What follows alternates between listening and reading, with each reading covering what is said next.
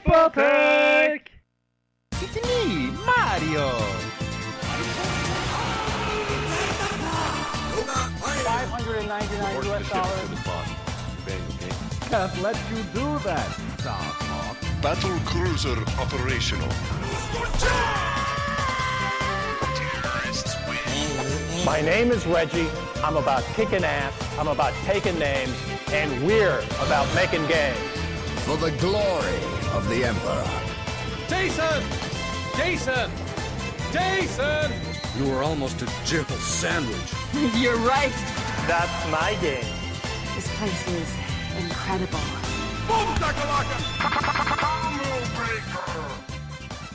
Hei og velkommen til en splitter ny episode av Supertech. Jeg heter Joachim, og jeg er endelig tilbake. Jeg heter fortsatt We, og jeg er fortsatt oppi her i kalde Bodø. Det, det snødde i dag, faktisk.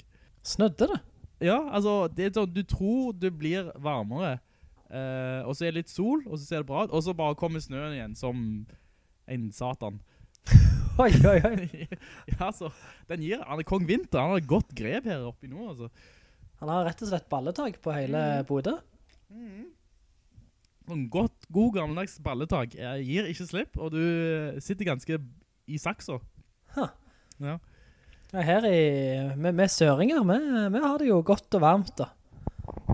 Ja, er det, er det liksom vår der nede nå? Ja, det var så vidt i går i hvert fall. Mm. Da, da skjein sola, og naboen vasket bilen og lukte i bedet, og alle fylte opp bostunkene sine med, med bioavfall fra alt ugraset. Ja, sant. Nei, det var, det var vakkert altså. Og jentene begynner å gå med litt korsere kjørt, eller? Ja, jeg gode gud. Jeg skulle være visst det. Ja, det det er et sikkert vårtegn, altså. Noen sier skjørt, jeg sier skjerf altså. Det er så de gjerne springer rundt i i dag, de unge jentene. Nei, men eh, oi, vi skal, vi skal snakke om spill. Vi skal snakke om spill. Ja, Uh, TV-spill. TV-spill er, gøy. Ja, har du, har du... Du, du, har, du, du har kanskje spilt i det siste? Sorry, det, jeg har besøk her, og så, og så, så ler hun litt. Grann. Så bra. Ja. Uh, men uh, TV-spill er gøy, TV-spill er knall. Uh, går det bra med deg? Ja, ja, ja. Se bare. det. Og jeg har spilt så det suser. Jeg eh, ble endelig ferdig med Dragon Age Inquisition, så de kaller det. Så hva? så bra. Eh, det tok meg opp imot 70 timer.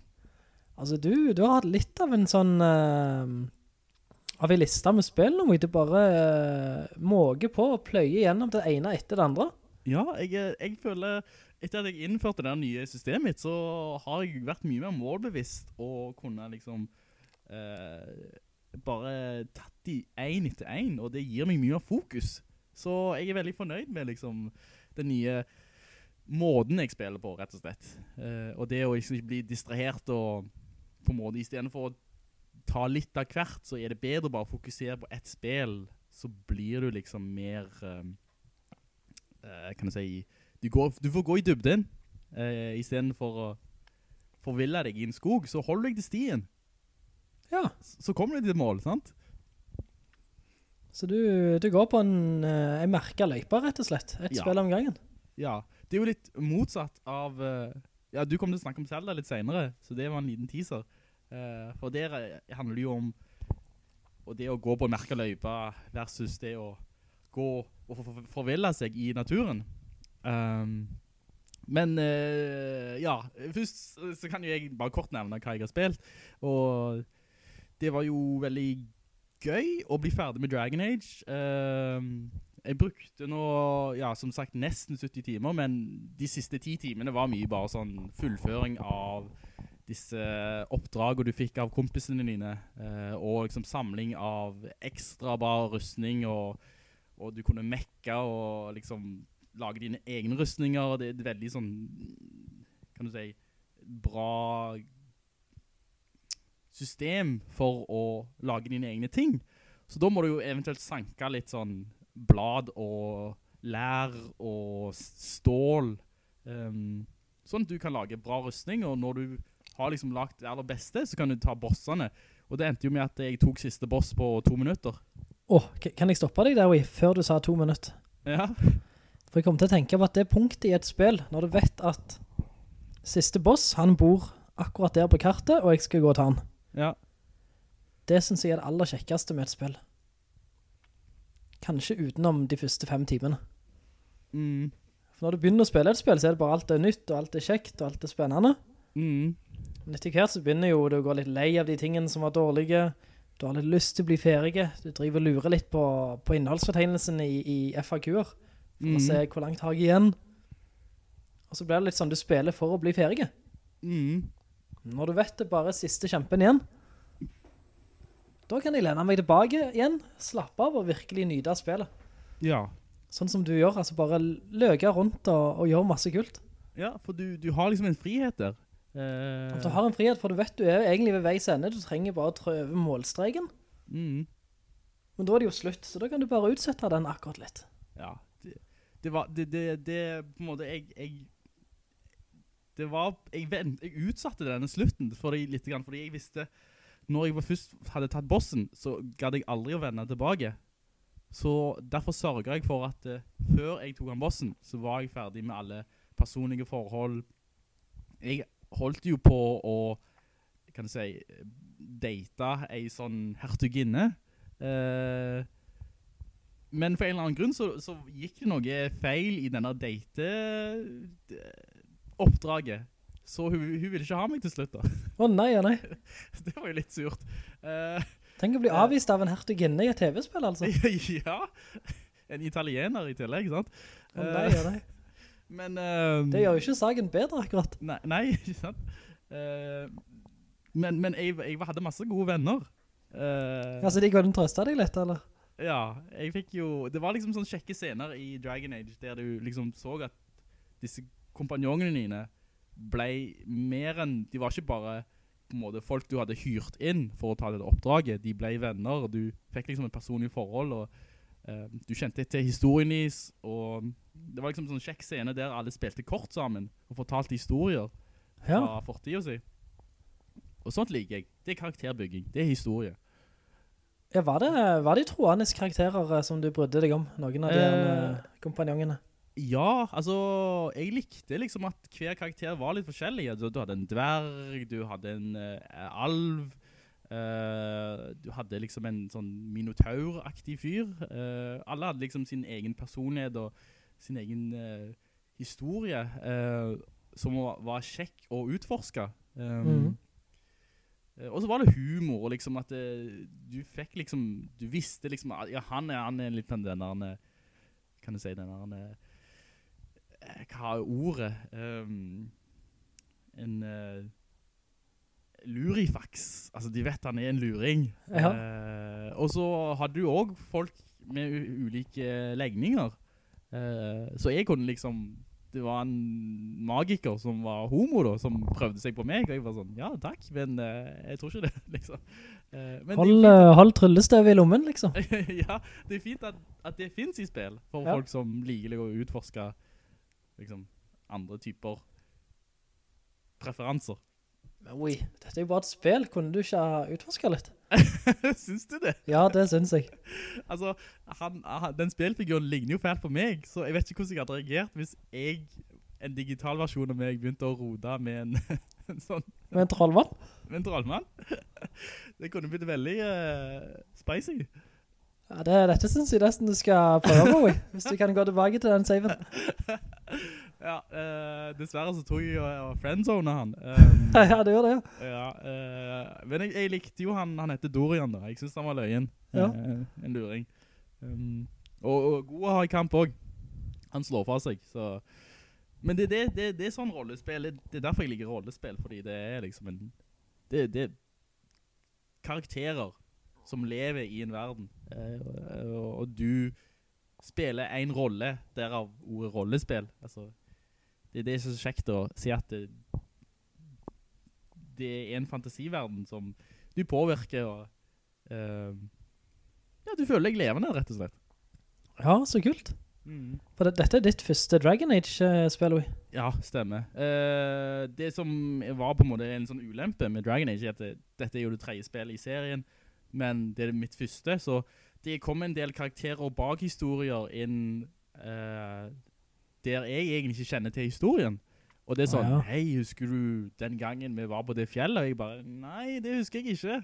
Eller karakteren min kan jo huske, eller hørt om en historie, men jeg, jeg husker ikke det som, jeg har ikke spilt i andre spill, så jeg vet ikke helt hva de refererer til. Um, og det er en del karakterer som er med i trien nå, som har vært med i de andre spillene. Uh, og jeg tror det at hvis du kjenner fra før av, så er det mye mer betydningsfullt når du er med de nå. Uh, men for meg var det bare sånn, åja, hun er kul, hun, men jeg kjenner ikke til hele historien hennes. Uh, Var det, var det Morrigan? og Morrigan for eksempel. Oh, hun er kul. har, har du spilt Dragon Age? Jeg spilte Origins med en gang det kom. Og fullførte deg, Det likte jeg veldig godt. Uh, hun, Morgan, hun hun kan ikke være med og slåss med deg, men hun er med som en uh, eh, type eh, veileder. Eh, Ja. ja hun, var, hun var den kuleste av alle karakterene, synes jeg. eh, hun har ikke mye klær på seg, for å si det sånn. Neida, hun er ganske varmblodig. ja. Eh, og jeg er vel, jeg digger hun, hun som gir stemmen til hun, eh, Morgan da. Veldig sånn uh, dyp og uh, skal jeg si, forførsk stemme. Ja da. Ja. Jeg, fikk, jeg, jeg, rundet en, og så, så kjøpte jeg Dragon Age 2. Mm. Uh, men det var midt i eksamenstid, så da lånte jeg det vekk, tenker jeg. Uh, altså, jeg har egentlig aldri fått det tilbake, da. Hvem, heter, hva heter denne karen? Nei, det er ikke så nei. Han var en veldig hyggelig kar, og jeg... jeg vet ikke. Uh, en periode hadde kanskje et par spill innpakket i plastikk som aldri ble pakket opp. Ja. Så det var, var helt greit. Og jeg tror ikke det var så bra heller, altså. Jeg tror de har tatt seg opp igjen i trien i forhold til toen. Ja, jeg må si, jeg må si at uh, en siste ting om Dragon Age er at uh, å spille det på 360 eller Playstation 3 er det aller verste du kan gjøre. Det er liksom nesten en, en, et hån mot kvaliteten på det spillet å spille på den gamle generasjonen. Ja, Hvordan har du holdt rart- ut det der? Ja, hvordan har du holdt ut det der? Nei, nei, det var mye rart altså. Det, av og til så bare frøys spillet. Det var sånn total frysing. Og så måtte jeg bare liksom plugge ut Playstation 3-en min, for de, jeg kunne ikke gjøre noe med den. Og at det skjer med AAA-spillet er rart. Eh, Ja, veldig. Andre ganger så gikk folk på en måte, de bare gikk forbi hverandre, altså de, som til 1000 i uh, Terminator. Altså de bare liksom gikk inn i hverandre og forbi hverandre. Ja, Uh, og det skal ikke folk gjøre. så han har ikke hatt å registrere hvor de er helt. Ja, jeg tror det er noe med på en måte den kollisjonseffekten som ikke var helt på plass. Ja. Um, og av og til så sto folk i løse luften, liksom en meter over bakken. så jeg var sånn, hva gjør du oppi der? Og så tok det en stund, og så, boom, så landet det liksom. uh, Men ødela Ja. det, eller var det bare underholdende? Nei, det, det var liksom litt underholdende, men så var det også irriterende når, når, når, når det var noe galt med spillet. Der, der det frøys, eller, uh, altså det, det, det hakka. Mm. Uh, jeg husker jeg kom til eh, en del av uh, et brett, der det bare hakka, det var sånn tre bilder per sekund. Det var uspillig, så jeg måtte bare liksom trykke start, gå ut av spillet, og så må det starte om igjen. Så Og det gikk det greit? Men det må være at rammen må ha blitt overopphetet, eller liksom overloadet eller noe sånt. Veldig rart fall. Nei, du er god så hold ut med gammelt maskineri. Ja, det, det, nå, nå føler jeg at det begynner å nærme seg eh, hopp nå, altså. Jeg, eh, jeg husker du snakket litt om i forrige kringkasting at, eh, at du ikke styrte kompanjongene dine så mye. I Dragon Age? Ja, Ja. men det er jo litt sånn Eh, taktisk spill da, der du skal styre dem med rett utstyr og gi dem kommandoer og fortelle dem hvordan de skal utføre rollen sin. Jeg tror det hadde hjulpet meg. Jeg tror det hadde liksom gitt Jeg tror det hadde gjort visse ting enklere. Men av og til så følte jeg at de At de var liksom bare teide, eller liksom, hvis du er en magiker, så hold avstand, du går ikke opp i trynet på fienden og begynner å banke den med stavnen, liksom. Nei, men du, du skal egentlig fortelle de det da. Ja, du må, du må posisjonere de. Men Ja. jeg var sånn, nei, kom deg vekk, liksom. Uh, så, men de, det funker veldig greit, liksom, i Mass Effect-serien, så klarte de ganske greit på egen hånd. Men jeg følte her så trengte de mye mer, jeg måtte holde det i hånda. Um, Så rart, det er jo samme folka. ja, vel, Eller ja. samme firmanavnet. Det er ikke ja, sikkert det er de samme folka. Uh, men uh, ja, stort sett så kla- klarte de å oppføre seg. Um, og jeg fant jo ut hvordan du skulle bruke dette kartsystemet nå, eller dette kampsystemet når du så ovenfra. Og, uh, jeg fant ut at um, at uh, ved, ved visse eh, områder, eller hvis jeg i slag, så kunne jeg liksom beordre dem til å holde posisjonen sin.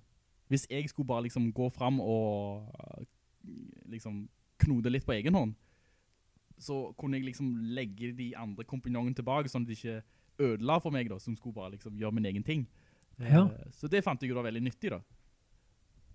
Eh, men til slutt, etter hvert, så ble på en måte alle så bra oppgradert eh, at eh, at da begynte med å liksom bare høvle over alle sammen. Og det var faktisk litt gøy.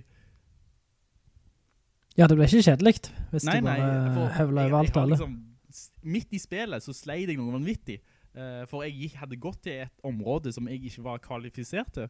Uh, og da på en måte, da kjempet jeg bittert gjennom hele den sekvensen. Men mm. det ga meg så mye XP at resten av spillet ble litt lettere.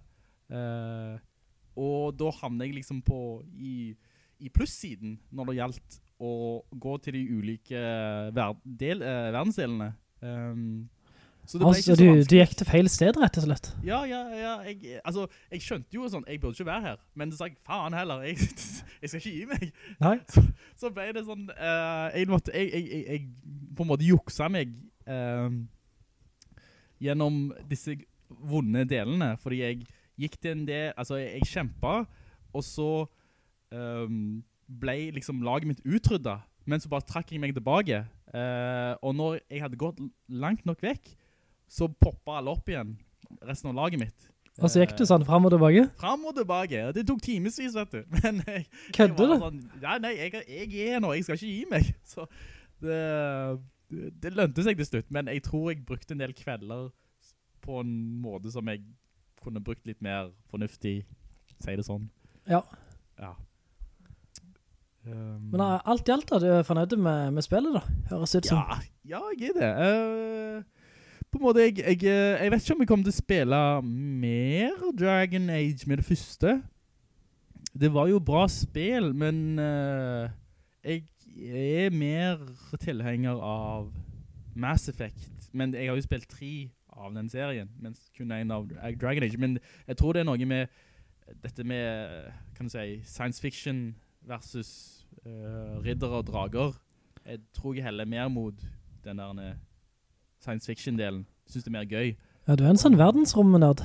Ja, jeg er litt der altså. Uh, laser og romskib og romvesener.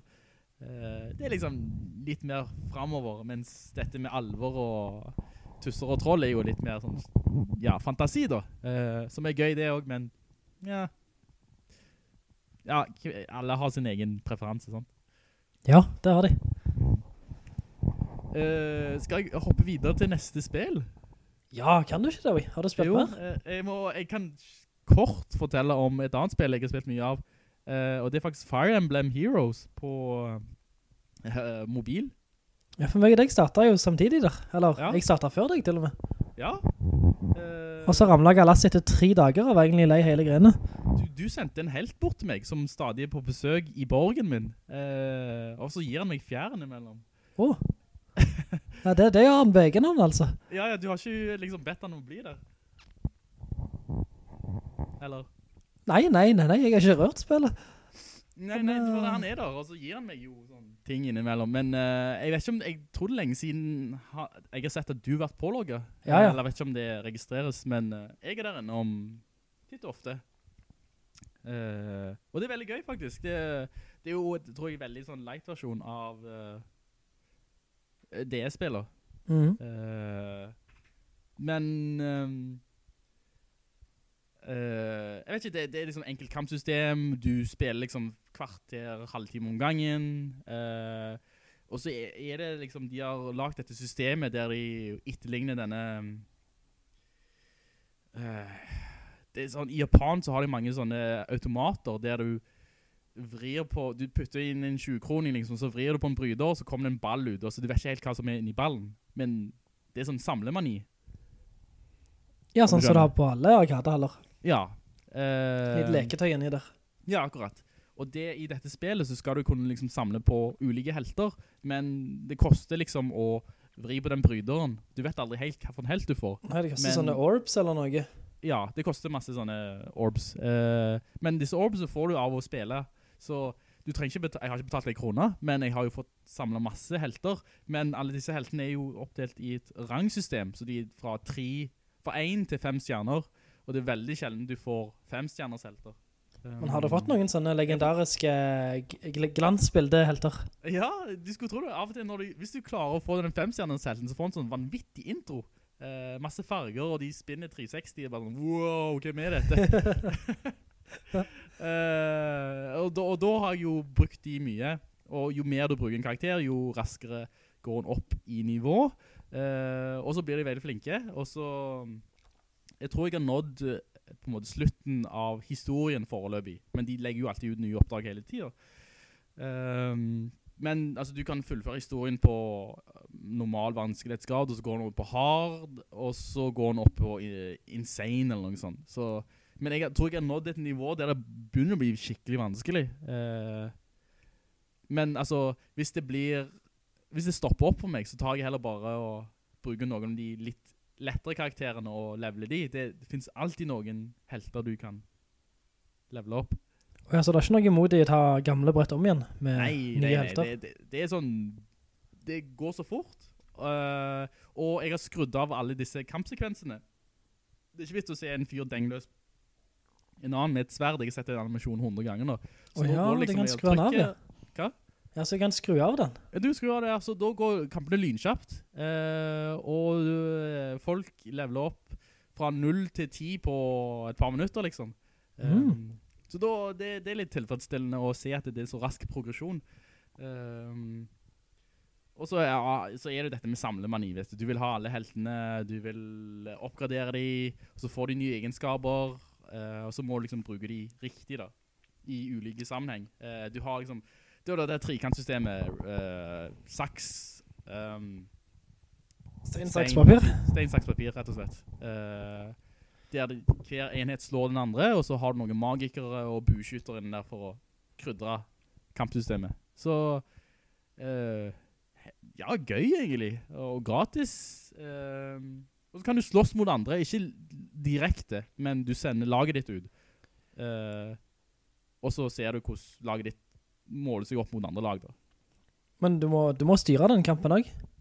Uh, ja, men du, du, du, du slåss ikke liksom live mot en annen spiller. Nei, det er dataen som styrer hans spiller. Ja, akkurat. Uh, så er det mye sånn, sånn, ja, i denne uka så kan du slåss, eller fange denne legendarske helten. Uh, så det er mye sånn, kan jeg si, de kjører mange sånn aktuelle kampanjer, eh, der du kan liksom få tag i enheter, eller ekstra mye gull, eller hva søren det skulle være. Um, Men har du noe forhold til alle disse karakterene? Nei, jeg aner ikke hvem de er, vet du. jeg vet jo at noen av disse tilhører den serien, og, og de skal liksom være ekstra gode. Um, men, uh, nei, det, det er bare kjekt for meg å spille. Jeg aner ikke hvem disse folk er, men... uh, men, eh, eh, ja, jeg tror jeg har tenkt å fortsette. Uh, enn så lenge. Det er jo Ja, gøy. Og så er det sånn tidsfordriv uh, når du når du sitter på bussen, eller er på vei til jobb, eller sitter og har fem minutter, eller sitter på rammer, som du gjør. Ja, da er det jo greit å ha noe å, å ta seg til. Ja. Um, så, ja, og så en liten kort uh, gladnyhet for folk som har Android-telefoner. Dere kan s- nå kan dere spille Super Mario Run på, uh, på deres telefoner, endelig, etter, hva, tre måneder, etter iPhone-brukerne. Så, nå har jo liksom Nintendo gjort to store hopp inn i uh, den mobile verden. Men jeg vet, i, i starten så var det sånn at Nintendo tjente ikke mye penger på Mario Run. Nei, stemmer. Og folk laster ned gratisversjonen, altså er de egentlig fornøyde? Mm. Har de begynt å tjene mer nå, eller er det... Jeg vet faktisk ikke. Uh, de hadde nylig en sånn litt større oppdatering der. Uh, det, de gratis versjonene ble litt oppgradert. Du kunne spille ett ekstra brett og få litt mer karakterer. Så de prøver liksom å få folk inn igjen på banen. Um, om folk kommer til å kjøpe det, mm, mulig. Eh, det kan være at de får flere kjøpere på Android også nå, så det er jo noen. Um, men om det er fullklaffet suksess, det er jo litt annerledes. Altså, de har et litt annet system på Fire Emblem Heroes, der du... Um, du det er å, å laste ned spillet selvfølgelig gratis, men du spiller liksom du har en uh, utholdenhets kan du si bar. Ja, det Eh, er stemmene som teller stamina. nedover. Og den går ned hver gang du tar et oppdrag, eller hver gang du spiller litt. Og til slutt så går den tom, og så må du vente en halv dag. Og så er den full igjen, så kan du spille igjen. Men du kan jo kjøpe spilletid med ekte penger. Du kan kjøpe sikkert mer uh, mynter, eller mer krystaller som du bruker for å oppgradere personene. Så her er sånn mikro, mikrotransaksjoner som de prøver på, og det er interessant å se at de bruker ulike betalingsmodeller, og så ser de sikkert hva som er uh, mest eh, lønnsomt. Ja. Mm. Men jeg lurer på om folk, eh, om folk uh, kjøper dette, eller om de er fornøyde med, med tiden de får. ja, det er sant det. Uh, jeg vet ikke egentlig hvordan salgstallet er på Fire Emblem. Uh, det gjenstår å se. Um, men Nintendo har ikke tenkt å gi seg med det første på det mobile markedet. Nei, så bra. Og det er jo kult det de har lagt til nå da. Ja, det faktisk. Jeg, eh, jeg liker det. Jeg liker satsingen. Uh, men du, tiden går jo fra oss. Tiden går jo fra oss, vi. Skal vi se, jeg har, tror ikke jeg har spilt noe. Jeg har jo begynt å spille Deus Ex Human Revolution. Det virker gøy. Jeg startet helt fra ny av siden jeg så på den gamle lagringsfilen min. Den var fra 2014. Wow. jeg, nei, det er for lenge siden. Jeg må starte på ny. Så, eh, og, det interessante, nå skal jeg bare kort fortelle hva jeg har gjort, er at eh, jeg husker første gang jeg spilte det, så var jeg litt sånn forsiktig. Men jeg har lyst å spille som en anti-Wii. Altså, hvis jeg føler at han karakteren burde gjøre noe, så bør jeg gjøre det helt motsatte. Litt sånn som George i Seinfeld. ja, sant. Kanskje det fører til en Motsatt, dynamisk spilling. Altså, i stedet for å være snill, skal jeg bare være liksom veldig sånn douchey. Uh, Men er du, er, er du snigete, eller er du brutal? Uh, altså, min naturlige spillestil er å skåne så mange, mulig, så mange folk som mulig, og være grei og snill med folk, og snige meg rundt uten å drepe folk. Men jeg bør kanskje liksom bare stappe pistolen opp i rattatan i, så klemme av. Jeg tror det, vi. Eh, for- da får jeg utforske en annen side av meg, da. Den, den, den, mer brutale siden. Og så er det godt at du får gjøre den via TV-spill da. Ja, selvfølgelig. Ikke i Åh, jeg, jeg, har en, jeg har en kjempebra Deus Ex-vits som jeg har kommet på helt selv. ja, Og han er morsom fordi han er sann. ja. Uh, jeg leste en artikkel av, uh, om Wii-versjonen av, av, av han som kjøpte han. Mm. Det var vitsen. Hva sa du? Jeg leste en artikkel Ja, om Deus Ex på Wii U ja. av han som kjøpte spillet. Åja, var det vitsen? Var vitsen. Ja, hva, hva sa han ene der da? Nei, han likte det veldig godt. Han likte det veldig godt. Ja, han gjør det. Så bra. Eller, jeg tror det, jeg tror hvis du finner det i billigkasser til 50 kroner, så er det gøy, altså. Jeg Ja, ja, jeg skal plukke det opp jeg i billigkassa en dag. Uh, og det, det, det som overrasker meg er at uh, det er liksom det, det er dypere rollespill enn enn, eh, kan du si, eh, Mass Effect og Dragon Age. For det, det er liksom, der er det handler om historien, men i Deus Ex og jeg vil si Thief, så er det liksom fem veier til samme målet. Ja, det er virkelig mulig å gjøre forskjellige ting. Ja, Det er ikke bare, Eh. å, du kan velge om du skal skyte den med pumpeagler eller maskingevær. Ja, altså det er sånn, det er sånn lett rollespill. Eh, men her er det faktisk liksom, jeg fant ut, jeg skulle liksom, eh, jeg skulle inn i et hus, eh, og så liksom klarte jeg å, så kom jeg til en plass, jeg husker forrige gang, så, så tror jeg jeg snakket med en annen fyr, så fikk jeg en nøkkel, men denne gangen så gikk jeg en bakvei, og så var det strøm eh, i bakken, men da brukte jeg liksom to kasser til å liksom, jeg satt på en kasse, flyttet den andre kassen, og så gikk jeg på den andre, og så bare gikk, gikk jeg på en måte forbi denne strømdelen, så kom jeg inn en annen vei da. Å ja, Og det er jo gøy at det, det, liksom, det er opp til deg, hvordan du finner ut av dette. litt sånn som Hitman kanskje. Ja, det er du veldig fritt, hvordan du løser oppdraget. Um, men det har ikke jeg spilt særlig mye om. Nei, det høres kult ut, du. Ja, jeg, skal, jeg skal kose meg litt med Deus Ex. Uh, så får vi se hva neste spillet blir. Jeg tror det kommer sikkert til å ta 20-25 timer. Uh, Ja, Men jeg, jeg føler, jeg har en hel liste her. Og de spillene som jeg tenkte liksom, jeg skulle spille nå til våren, som er Zelda og Mass Effect. uh, som, vi kommer til å snakke litt senere om det, men det haster ikke allikevel. Jeg tror jeg kan vente. Ja, så bra. Uh, men du, hva Ja. har du gjort for noe?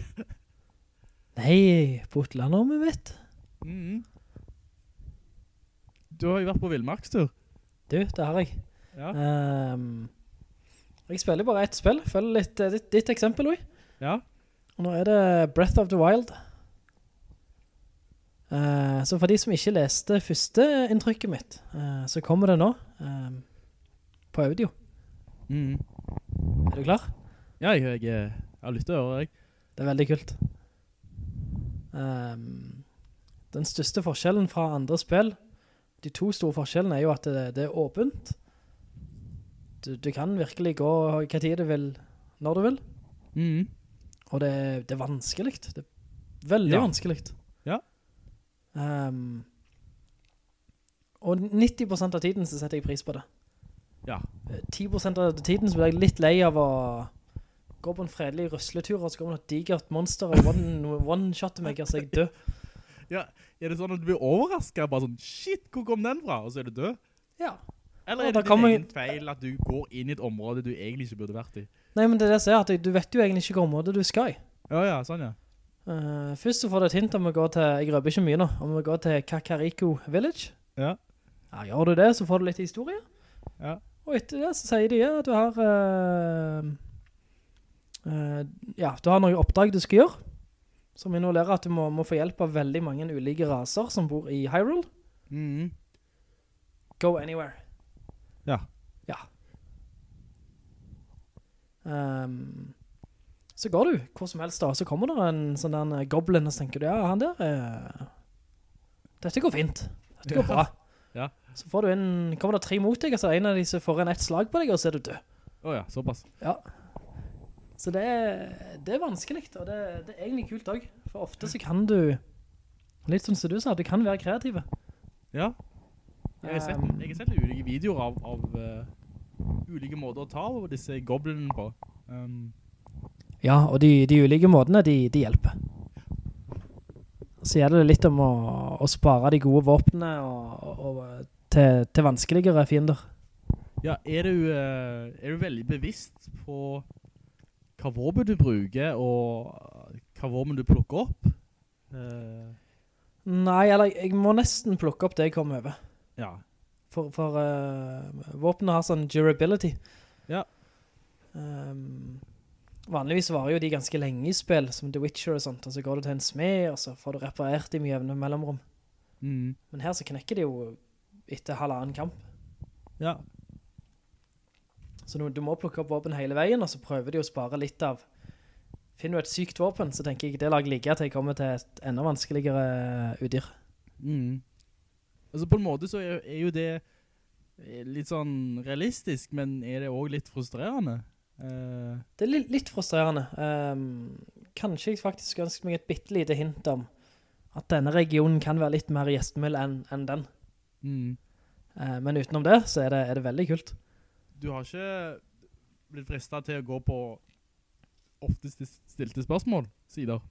Jo, men jeg har klart å la være. Ja. For jeg vil heller ha den her, uh, prate med hei om det. Og folk Ja. som jeg kjenner, spiller det. og så finner vi ut av ting på egen hånd å dele. Det synes jeg er mye kulere. Ja, de, de, eh, det var en sånn IGN-artikkel der de sa at eh, Breath of the Wild var et fantastisk multiplayer-spill, fordi folk snakket så mye om det. Og mm. det var liksom en delt sånn prat om alt du kunne gjøre og alt du kunne oppdage, at det, det ble på en måte sånn en delt opplevelse, selv om du ikke møter andre, men eh, det var så mye prat, og, og det var sånn en levende dialog om hvor er du, og hva har du gjort, og ja, så, så du det, eller... Så, Ja, ja, det er akkurat det. det har de fått til, altså. Det har de veldig fått til. Ehm, og, og for det er jo det, du, du kan gjøre så mye, og du kan gå hvor du vil, og du må koke mat som gir ulike egenskaper, du må lage potions. Ja. Eh, Du går til et nytt område der det er jækla varmt, så da dør du. Ja. Med mindre du har lagt mat mot det. Du går opp i snøen, og der det er kaldt, så der dør du. Ja, Så du må på en måte bli kreativ. det høres litt ut som han eh, Bear Grylls, eh, Vildmarksmannen. Ja, det er litt sånn. Um, sånn bare sånn for å ta et lite eksempel da, så hadde jeg eh, funnet masse chili pepper og kokt det i gryda. ja, Og det gjorde, gjorde at jeg tålte kulde. Ja, Eh, mens hei, han hadde funnet det som bare gikk med fakkelen i hånda. Ja. Med, med flamme på, så tålte han også kulde. ja. Så det var to ulike måter å, å løse den uh, situasjonen på. Det, altså, ja, det er akkurat det jeg har. Dessverre så har jeg hørt på mye på podcaster og, uh, lest litt om hva spillet har å tilby. Og det virker så gjennomtenkt, alle de ulike tingene du kan gjøre i spillet, at det er logisk. Hvis du kan tenke det, så er det mulig å gjøre. Eh, og hvis det stemmer i virkeligheten, så stemmer det sikkert i spillet også. Ja, i stor grad. Ja. Eh, men du må ikke lese for mye, Joey, for det, altså gleden er jo å oppdage det, Ja, det er akkurat det. Jeg har jo lyst til å ha disse, mine egne sånn ah- aha-opplevelser. Eh, men jeg vet ikke, jeg får bare prøve å ikke høre for mye. Men dessverre så er det jo alt folk snakker om nå for tiden. Ja, da får du bare la være, vi. Ja, for lukke ørene mine. Uh, ja, for litt, jeg har sett anmelder noe, har vært veldig bevisste på ikke å røpe noe, og det, det synes jeg har vært kult. Det jeg synes er interessant er at uh, hvis nok så veldig tidlig i spillet, så vet du hvor sluttbossen er. Ja, ja, han vet jo hvor er etter en halvtime. Uh, og det er bare sånn, ja, her er han. Utfordre han hvis du vil, men du kommer til å få bank. Eh, så er det opp til deg å, å skape din eget, ditt eget eventyr da, din egen progresjon.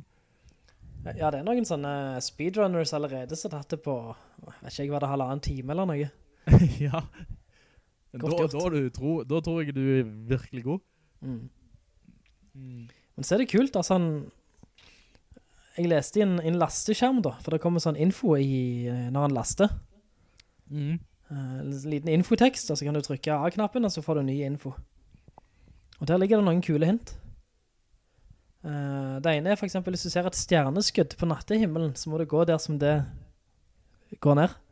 Ja, det lander faktisk. Ja. Så var jeg på vei der til, men så ble jeg dessverre distrahert da. Så holdt jeg på med masse annet, og nå glemte jeg ut hva, hva retning det var i. Ja, altså lest, uh, ut ifra det jeg lest eh, av den dialogen du og Hei har, så blir du så fort distrahert. Det skjer så mye. Mm.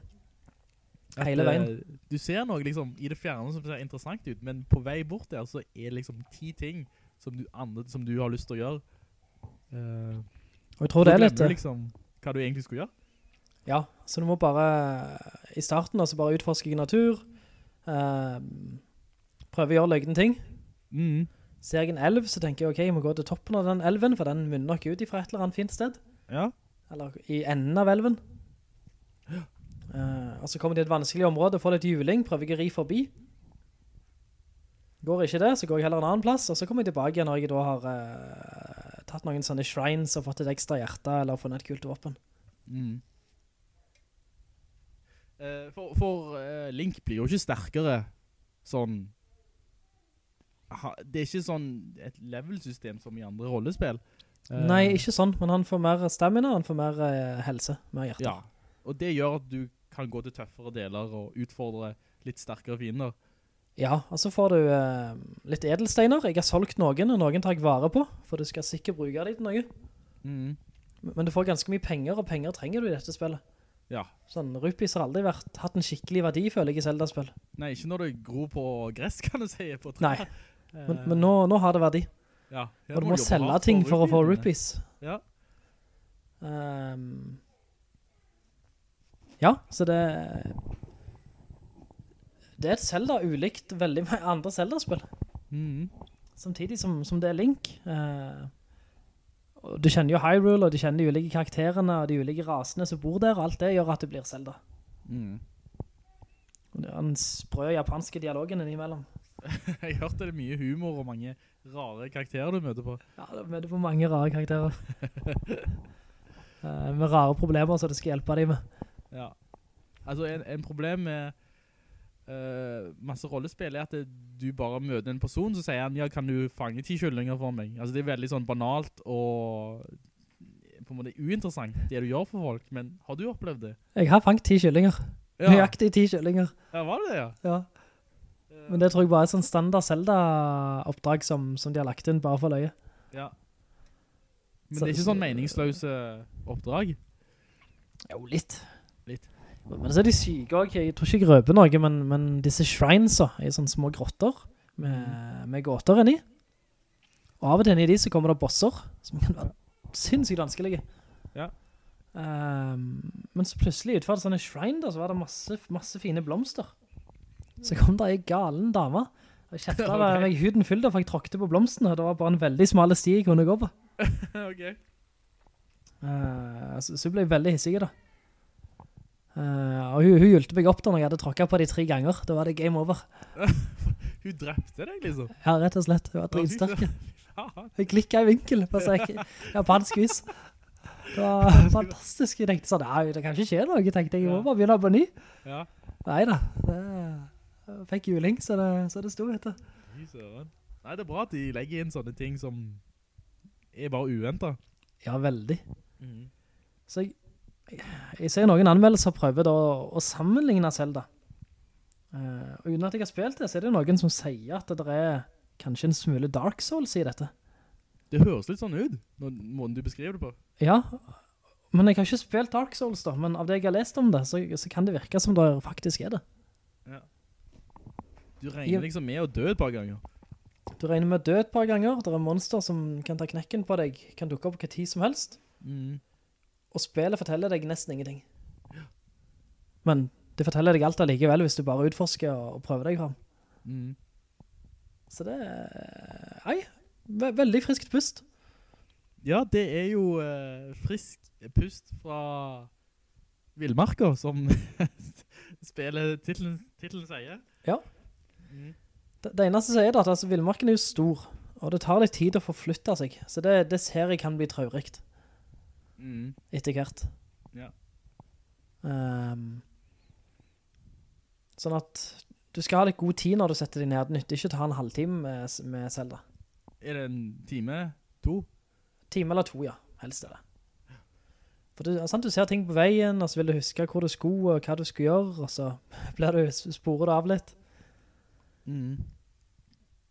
Men, men det er ikke helt sånn som GTA heller, at jeg bare sporer av. Det, avsporingen er på en måte helt nødvendige for at jeg uh, skal finne disse shrinesene og få flere hjerter, og Ja. eh, få avdekke landområder, og for å få finne ut av hvor er jeg sterk nok til å gå henne. Så, så avsporingen er egentlig meningsfull. Avsporingen er kanskje selve spillet, på et vis. Ja. Meningsfull avsporing, rett og slett. Ja. Mm. Så jeg, eh, jeg skal reise vekk nå uh, ei, ei uke med, med jobben. Ja. Så jeg, eh, akkurat nå er jeg jo også veldig lei meg for at jeg ikke har en Nintendo Switch. Vi skal jo snakke litt mer om Switchen i eh, nyhetsseksjonen vår. Eh, Ja, men jeg begynner å se liksom hvor gøy det kan være å ta med seg trippel A-spillet ditt ut. Altså, det, batteritiden trenger ikke være lang, for flyturen er ikke så lang. Kommer du til hotellrommet, så kan du lade det, mm. og bare kunne ha den muligheten. Det virker ganske digg. Ja. Eh, det, de sier at den funker akkurat som uh, markedsført Det er akkurat som i reklamen, han går ut og inn av dokken på et blunk, og du tar den med deg og spiller som bare det på, på hvor du enn flytter deg. Uh, samme opplevelse, Uh, rett i fanget ditt. Um, så det, det skal Nintendo ha. De har ikke lurt noen med den reklamen. Ja, nå er jeg her. De har ikke lurt noen. nei, nei. Du forsvinner et halvt sekund for meg av og til. Ja, sorry. Jeg tror det var mikrofonen min. Uh, men skal vi, vi må kanskje hoppe videre til nyheter? For, Ja, uh, Det gjør vi. før, det, før det blir alt for sent her.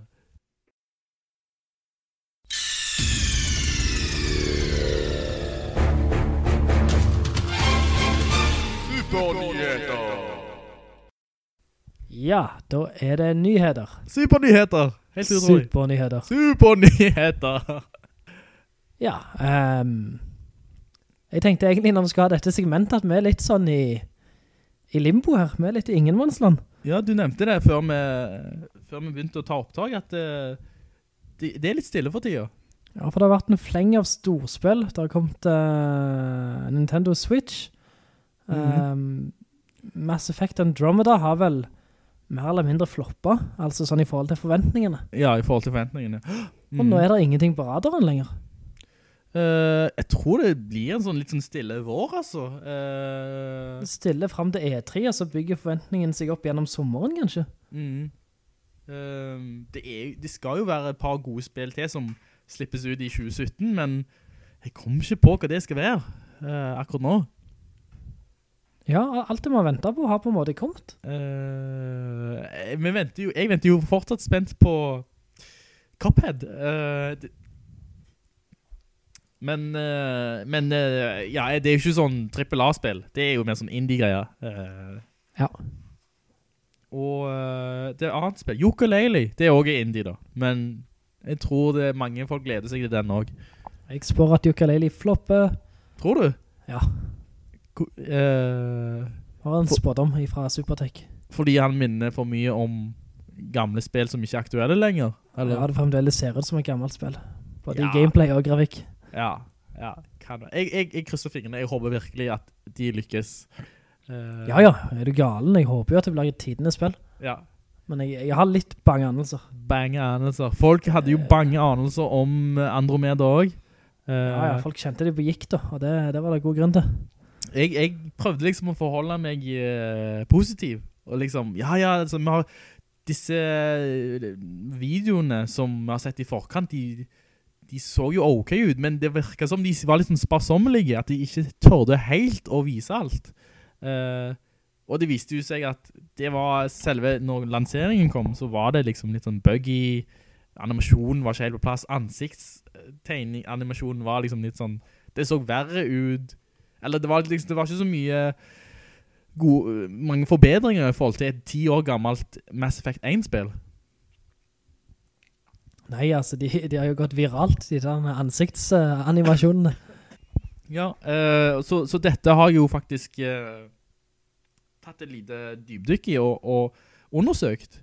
Og det viser seg at det er ikke det originale teamet eh, som... De, de tok veldig få folk fra Mass Effect, den første trilogien. uh, det teamet, Uh, de har veldig få folk derfra. Nesten ingen. Og det er liksom et helt nytt team i Kanada som har lagt Andromeda fra grunnen av. Eh, og Men da... hvorfor, hvorfor det? Skal de bare Ja, altså- melke kua? Ja, Så ja, gidder de ikke bruke erfaren ansatt engang. ja, jeg vet ikke helt hvorfor, men det førte jo til at det muligens var en del folk som var litt nye på dette, eller som var nye på denne serien. Eh, og det har jo ført til at en, en del, sånn som jeg har lest anvendelsene, er at det, det er en del sånn eh, oppdrag som er litt sånn meningsløse. Uh, dette med utforska er litt sånn utdatert, uh, og grafikken er ikke helt på plass. Uh, og du må kunne forvente mer når spillet heter Mass Effect. Ja, Du skulle jo tro at de ikke ville kødde med lisensen sin. Ja. Eh, men uh, jeg vet ikke hvem som har droppet ballen her. Uh, og så har det ikke enda, jeg tror ikke det har vært en sånn dag 1 patch enda. For du skulle forvente det, at en sånn patch hadde fikset opp mange av disse startproblemene. Ja. Um, men jeg tror ikke det er ute, og jeg vet ikke om det kommer på en stund. Så det er litt sånn, ja, hva skjedde egentlig? Hvorfor har ikke de fikset opp spillet? Hvorfor er animasjonen på trynet bokstavlig talt? Uh, mange spørsmål, og jeg vet ikke om jeg får vite det helt. Uh, Det har, jeg tror det har solgt sånn greit fordi det heter Mass Effect, men som du sa tidligere, uh, det var veldig høye forventningene, og de har ikke blitt innfridd. Nei, jeg, jeg aner ikke, men er det ikke litt typisk BioWare også å ha litt varierende kvalitet? Mm, Altså, Dragon Age dalte, ja. og Mass Effect 3 er vel, gjerne, er vel gjerne ikke det beste spillet i serien heller, vi. Nei, nei. Det Det ikke toen som på en måte eh, topper hele driden? Jo, jeg, jeg følte det i hvert fall sånn personlig at uh, toen var det beste. Um, Og 3 er... Altså, de klarte vel ikke å runde av serien, sånn som fansen ønsker. Nei, det var en helt sånn kontrovers der. Måten de håndterte den slutten på, og måten fansen på en måte, det var sånn helt oppstyr. Uh, de har jo lagt en YouTube-dokumentar om den slutten. Uh, så det er liksom veldig rart egentlig. Uh, til slutt så måtte jo BioWare lage en ny slutt, sånn Director's Cut, som på en måte var litt mer tilfredsstillende, men samtidig den besvarte ikke alle spørsmål. Um, Nei, den var ikke god den heller, forstår jeg. nei, altså, den, var litt mer, men det var liksom som å putte liksom iskrem på en drid. Altså, driden er fortsatt der, men Ja. den smaker litt bedre med iskrem, altså, sant? så, Hvis du ikke graver så dypt i hvert fall. Ja, det må liksom bare pirke av det gode. um, men, men, eh, ja, altså, jeg, Andrew, Andrew, de sier det er noe bra der, på en måte. Du, du må se bort ifra liksom det, det ytre, der det er mye sånn feil og litt sånn, kan jeg si, et uferdig produkt, men det er fortsatt noe bra der. Uh, og hvis du klarer å se forbi det, så er det, så er det bra. Jeg tror selve kampsystemet er veldig uh, flytende så bra. Eh, det er liksom, du kan bytte mellom egenskaper ganske fort, og du er ikke låst til en viss klasse lenger. Eh, så, og, og så kampsystemet ser veldig dynamisk og kjekt ut. Eh, så det har de klart. Men selve historien, vet ikke om jeg var helt der. Folk hadde liksom, det var ikke så gode karakterer som i originaltrilogien. Eh, ikke så mange som husker, og som du får et bra bånd med. Så det er noe med historieskrivingen også, at de kunne gjort litt mer der. Kanskje det kommer nedlastbar innhold som ekspanderer litt grann. Men det er jo, altså, når de skal skrive seg inn i Mass Effect-sagaen, eh, Mhm. ja, de har en fordel med at folk kjenner merkenavnet. De har jo en stor ulempe med at folk forventer at det skal være like revolusjonerende og like bra Ja. som sist. Så det er nok ikke bare bare å, å hoppe etter Virkola heller. Nei, det er ikke det. Og jeg tror kanskje det er en grunn til at når de skal få nye serier, og, og gjerne ikke klarer det på ett og to forsøk uh, ute i rekka et sted, Mm. så blir det en reboot. Ja. For det, ja, de har kommet på bedre mekanikker, de har kommet på bedre grafikk, de har kommet på noen smarte løsninger, men historien og, og driven i historien, den var best i starten. Mm. Du har helt rett. Kanskje, vi får en reboot hvis ikke dette lykkes. Ja. Uh, nå vet jeg ikke helt hvordan denne historien uh, slutter. Men jeg tror det er tvillingpar. Det er søskenpar i hvert fall du spiller. Uh, men jeg vet ikke om de har liksom like har lagt like stort inntrykk på folk. For altså hvis du spør hvem Shepard er, eh, så vet alle som, alle som spiller TV-spill vet hvem han er. Han er Commander Shepard. Alle som har slått på Google på maskinen sin vet vel kanskje hvem Shepard er. Ja. Han er liksom, han er blitt Jesus, space eh, rom, altså ytre rom-Jesus. Ja, altså, han er blitt sånn en kjent figur, på Ja. lik linje med Nathan Drake og Lara Croft. Og jeg vet ikke om disse to eh, Rider-søskene er liksom der ennå. Eh, kanskje litt mye forventet etter et spill, men eh, jeg vet ikke om de helt klarer å utfylle den samme helterollen. Um, vi får se. Jeg, jeg skal jo gi Andromeda en sjanse, det vet jeg. Men det blir nok ikke på en stund. Men kommer du til å spille Mass Effect 2 enda en gang, før den tid? uh, nei, nei, jeg tror jeg har lagt den trilogien på hullet, altså. Jeg har så mange andre spill nå. Um, jeg ble sjokkert siste episode vi da så rundet det. Denne spillet hvor mange ganger? kanskje fem eller seks eller noe sånt. Og det er ganske mange timer det hver gang. Det er det. Vel, når du først vet, uh, vet gangen i det, så kan du liksom hoppe over noen av disse unødvendige ting, og så går du rett bare på kjernehistorien. Um, det, det, det er som kjekt med rollespill, at du kan ta spillet på forskjellige måter. Enten du spiller i originalversjonen så var det enten Renegade eller Paragon. Altså Mm. enten snill eller slem. Um, oi, hva i alle dager? Om du hørte det? Nei? Nei, nei, det var bare teknisk dupe duppeditt fra meg. Uh, uansett. Ehm, jeg tror ikke jeg kommer til å spille Mass Effect, uh, den originale serien, igjen, med det første. Ehm, men jeg spiller nok Mass Effect Andromeda til sommer. Da får jeg litt bedre tid. Uh, og så... uh, du, sorry Joachim. Jeg må bare fikse en sånn kjapp ting her. Ja, gjør det. Uh, Skal jeg si noe lurt imens, eller? Ja, da ser jeg noe lurt imens vi fikser. eh, sorry, det var teamspeaken min som bare ville kødde seg til her. Ah. Sorry, nå er jeg tilbake. Um, ja, det var Mass Effect. Ja, jeg må spørre deg om en ting, vi, Ja. angående Mass Effect. Ja. Jeg har sett litt sånne rykter som kommer og går om en uh, re- eh, remake av trilogien. Sier du det? På Eller, ikke, ikke remake, hva er dette? remaster? Remaster, ja. Opphisset utgave. På den nye generasjonen? Ja. Uh, Så jeg skal til å spørre deg om du visste om det var noe hold i dette, eller? Uh, jeg har ikke faktisk... Uh, jeg, jeg har ikke faktisk hørt om det, men det kan godt stemme. Ja, for jeg som ikke har spilt jeg tror, jeg tror det hadde vært kult. Eh, som en ny måte å komme meg inn i det.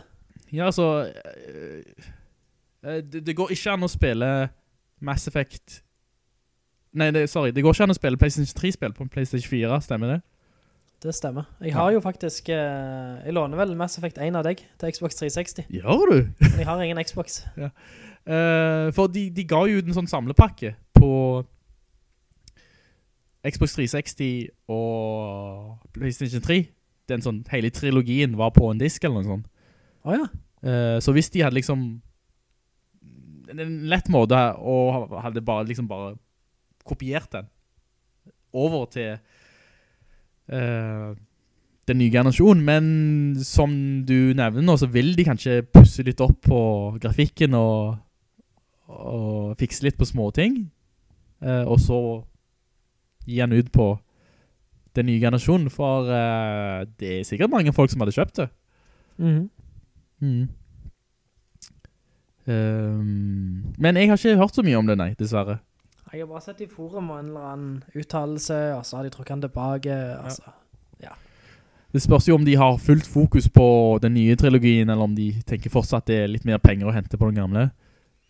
Ja, det er det noen argumenterer med, at Uh, de skal fokusere på Andromeda, DLC og Dragon Age 4 Ja. Nei, de, de har jo mange, BioWare har jo liksom en del serier som de kan melke. Men uh, det spørs jo om de, altså hvis du først lager et spill, kan du gjøre det riktig. Ja. Ja. Så de, nei, jeg tror heller de vil fikse en del av tingene i, i eh, Andromeda, kanskje. ja, vær så snill. Um, andre spill som er gitt ut i det siste, eh, Horizon, Zero Dawn. Kjempegode anmeldelser over hele Ja. spektret, egentlig. Jeg tror ehm, Jeg tror den falt litt i skyggen av uh, Breath of the Wild, altså. Kanskje. Ja. For det, det, det spillet ser jo fenomenalt ut. Uh, men jeg har sett at folk har sammenlignet det med Breath of the Wild, Og på en måte, selv om det er liksom en sånn villmark i Horizon også, så er liksom den er mye mer begrenset av sånne gamle mekanikker. Eh, hvis du ser et fjell i Horizon Zero Dawn, så nødvendig, det kan ikke nødvendigvis klatre den opp, klatre opp der du vil. Du må liksom følge en sti. Ja. Eh, det er liksom en rett og feil måte å gjøre det på. Eh, mens i Zelda så ser du et fjell, så kommer deg opp som regel. Ja, det gjør det. Um, og det tror jeg er forskjellen mellom på en måte den verden du befinner deg i Zelda, der det, der det er utforskning på alle nivåer, altså i vann og på fjell og gjennom skyen, altså kan du tenke deg det? Kan du se det, så kan du komme deg bort der. Mens i Horizon så er det liksom begrenset til visse instanser, eller liksom, du får følge den stien for å komme deg opp. Og før så var jo det liksom en helt grei ting i åpen verdensspill. Ja, det er jo det nå, egentlig. Ja, det er jo det. Altså, det men Zelda har liksom bare åpnet liksom en helt ny sånn verden der du alt er mulig, så å si. Ja, det har faktisk det, og det er det som gjør at det kan kanskje komme til å ende opp med å være like revolusjonerende som, som Ocarina of Time, Mm. tror jeg. For Eh, Den, det er virkelig en sandkasse. Eh, så Horizon, jeg tror jeg, av det jeg har lest, og folk som jeg har snakket med, så er det, grafikken er jo rå. Og den Eh, virker magiske. Det, så det har de på plass. Uh, uh, men det, det på en måte, verden føler kanskje litt mer sånn begrenset eh, i forhold til det Zelda har å tilby. Eh, men i, for seg selv så tror jeg sånn, kampsystemet er bra, og historien er sikkert bra, jeg aner ikke. Eh, det er ikke et spill jeg har tenkt å skaffe meg med den første, siden jeg ikke har en Playstation 4. Nei, jeg hadde gledet meg veldig til det, men så Ja. kommer det jo samtidig med Zelda, og jeg, Ja. ja. ja, jeg kjente ikke gledet meg til Horizon, men Zelda, det, jeg fikk gåsehud på hendene mine når jeg så de reklamesnuttene. Tenker du å muligens skaffe deg Horizon til, på sikt? Ja, det kan jeg godt. Ja. Nå skal jeg gjøre som deg, og innan skal jeg fokusere på en ting. Ja, det er veldig bra det. Eh, og, men det, altså, tingen med Zelda er jo at det, det spillet kan jo vare over 100 timer, hvis du vil. Ja, og jeg, jeg er ganske treig, føler jeg. Jeg roter meg opp i mange plasser, og så må jeg gjerne reloade, eller bare backtracke og komme meg til pokker Mm. bak igjen, for jeg har gått en for, for, for vanskelig plass. Men før eller siden så må du jo bare si eh, takk skal du ha, og så avslutte det spillet. Ja, det må jeg gjøre. Ja. Tenker du å på en måte, altså når du er sterk nok til å ta sluttbossen, tenker du å ta den da? Eller vil du liksom bare kose deg lengst mulig? Uh, Jeg vil kose meg. Du vil kose deg? Ja. Så det, det er godt mulig at du ikke kjøper et nytt spill på en god stund. Ja, faktisk. Ja. Sånn det eneste spøkelset her er egentlig at jeg bare skal parkere det litt, fordi jeg skal prøve et annet spill. Mm. Hva spill hadde det vært da? Nei, det kan jo være hva som helst. Jeg er lett å, å, å bli hypet på noe. Mm. ja, du er en hype man. Ja, jeg blir fort gira. Så det, nei, det kan være hva som helst. Jeg håper bare jeg klarer å holde konsentrasjonen oppe da. Mm. Uh, har du lyst til å snakke litt sånn generelt om Switch-lanseringen? Nei. Nei. det var knipset det. Ok da, vi kan snakke litt om Switch. Eh, bare sånn eh, Det har solgt veldig bra Jeg har ikke sett det i en eneste butikk For det har vært utsolgt overalt Eh, Så det er jo bra for Nintendo Ja, dette er jo Nintendo i den nudderskall. De produserer forbannet lite for å holde etterspørselen oppe. mm. Eh, Jeg er jo glad for Nintendos vegne Eh, Litt sånn Det er ikke alle ting som er på plass ennå Eh, Butikken er veldig begrenset Um, Jeg tror Går det an å spille online mot andre? Ja? Nei? Ja, men jeg tror ikke det koster penger ennå. Nei, det gjør det ikke. Og dette systemet de, de har tenkt å innføre med liksom chatting og, og lage venner og sånn, jeg vet ikke om det er helt på plass. Nei, det er ikke på plass. Så det, Og ja, så var det snakk om liksom, ja, at eh, den egne kontrollen ikke klarte å synkronisere seg, du mister koblingen, og det var noen som fikk riber på skjermen når du puttet ned i den dokkingstasjonen, men det føler jeg er små ting. Det er sånn enkelttilfeller, det er ikke et utbredt problem. Nei, Det er små ting, men det virker som veldig mange har hatt en eller flere småting. Mm. Sånn at summen virker jo ikke helt god da. Vil du kalle det en vellykka eller mislykka lansering? Jeg, altså, han har jo solgt ut det de har produsert. Ja. Så det, det, det må jo være vellykka. Men det som skjer nå, det er jeg litt redd for. Uh, spillene som er på radaren, uh, det er veldig mye eh, gamle spill som bare kommer til Switch. Ja. Lego Oppgulp. Undercover. For Hva var det kalte det? Lego Undercover. Lego Undercover, ja. det var jo et lanseringsspill til Wii-en. Eller Wii U. Ja, unnskyld, Wii U. Ja. Eh, masse bra spill, sånn indies, men som, som kommer nå. Altså, de har vært ute veldig mange år på både Wii U og PC og alt annet som kan så knapper i seg. Det er vel uh, Shovel Knight og Snipperclips som uh, på en måte peker seg ut. Ja, Shovel Knight kom jo noen anmeldelser av nettopp. Mm. Og det har fått gode, gode mottagelser. Mm. Um, men allikevel, det er ikke så mange storspill på radaren, og det er jo en og annen sånn nyhetsoverskrift som antyder at det er at selskaper ikke jobber med Switch-spill. Ja. Det er ikke så mange som har våget seg, liksom.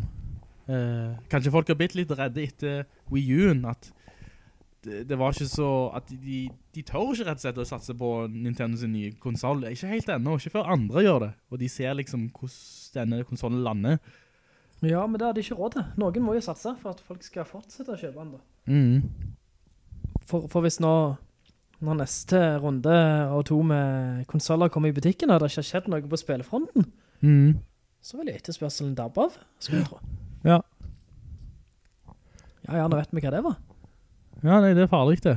Um, Så jeg, ja, jeg, det, det er en thriller altså, rett og slett.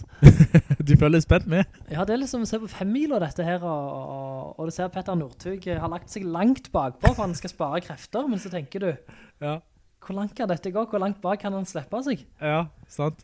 Jeg er bare veldig redd for at Nintendo da skal miste kontakten med feltet, og så bare gi opp og, og springe forbi kamera og nekte å ta intervjuer. Mm. sant nok. Uh, Nintendo det- er alltid jeg- flinke. Ja, det er veldig spennende, så ellers skal de bare peise på på oppløpssiden og, og stake seg eh, foran eh, konkurrent etter konkurrent. Heier du på, du heier vel på Nordtug og Nintendo? Jeg gjør det, Ja, du gjør det. Det er bra. men, men de er nå... De har vist både, både toppform og båndform, begge to. Ja, stemmer. Eh, folk, folk må aldri, aldri, aldri kjøre i fyller. Det er utilgivelig, synes jeg. Eh, ikke at Nintendo har gjort det. Eh, Nei, nå, nå er det streng vi. ja. Ut, til livet likt. ja. Eller, jeg, han, han eller, jeg mener, folk kan ikke glemme det. Han er jo en topp idrettsfyr. Jo, det er jo, det er jo hål i hovedet, men, men hva skal jeg si, altså, folk gjør jo feil. Ja, men ikke, han Folk gjør jo feil, men det er en megafeil han har gjort. Det er jo livsfarlig. Oi, det, tilgivelse handler ikke om, om ting som er lett å tilgi. Ja, jeg tror det får være en mer storsinnet fyr enn meg som skal tilgi han Northug.